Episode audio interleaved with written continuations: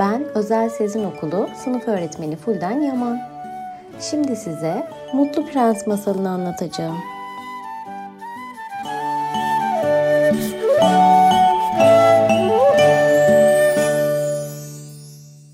Bir varmış, bir yokmuş. Zaman zaman içinde, kalbur saman içinde, uzak diyarlardaki bir şehrin tepelerinde, uzun bir sütunun üzerinde Mutlu Prens'in heykeli varmış. Gelip geçen herkes onunla ilgili mutlaka güzel bir yorum yaparmış. Onu hayranlıkla izlermiş. Bir gün kırlangıcın biri kış yaklaştığı için sıcak ülkelere göç edecekti. Gitmeden Mutlu Prens heykelinin altında gecelemek istedi. Tam istediğim gibi bir yer diye düşünürken yağmur damlaları gördü. Dikkatlice baktığında yağan damlaların yağmur değil, Mutlu Prens'in gözyaşları olduğunu görünce ona niçin ağladığını sordu. O da canlıyken ve bir insan kalbine sahipken gözyaşının ne olduğunu bilmezdim. Çevremdeki her şey öyle güzeldi ki saraydakilerin hepsi bana mutlu prens derlerdi. Böyle yaşadım tüm hayatımı.'' Sonra beni buraya öyle yükseğe koydular ki şehrimin tüm çirkinliğini ve sefaletini görebiliyorum. Kalbim bile heykel olmasına rağmen ağlamaktan kendimi alamıyorum diye cevap verdikten sonra devam etti. Bir ev görüyorum.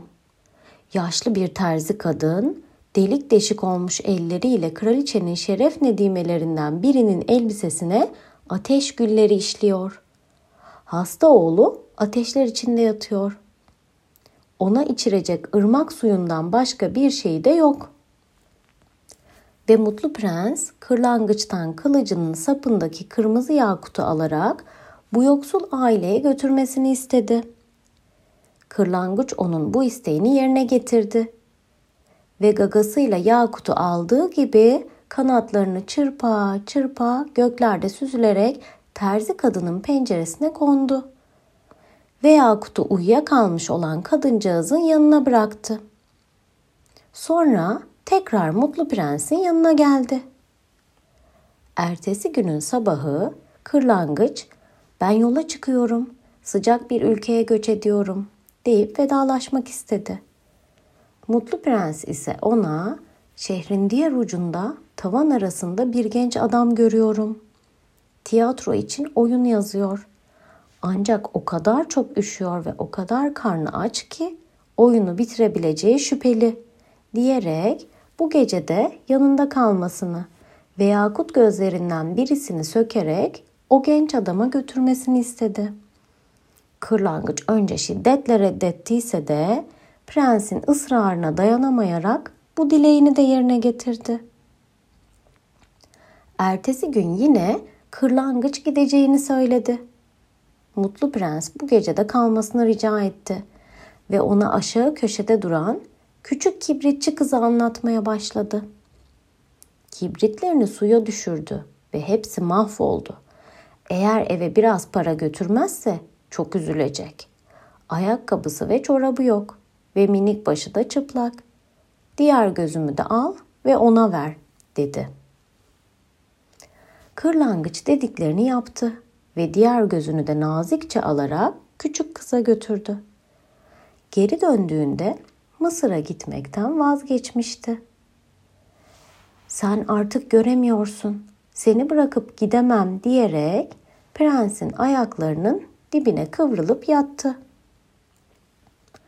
O günden sonra da Mutlu Prens'in gözü olarak her tarafı gezip dolaştı zenginlerin zevk ve eğlenceli dünyaları ile yoksulların perişan hallerini gelip prense bir bir anlatıyordu.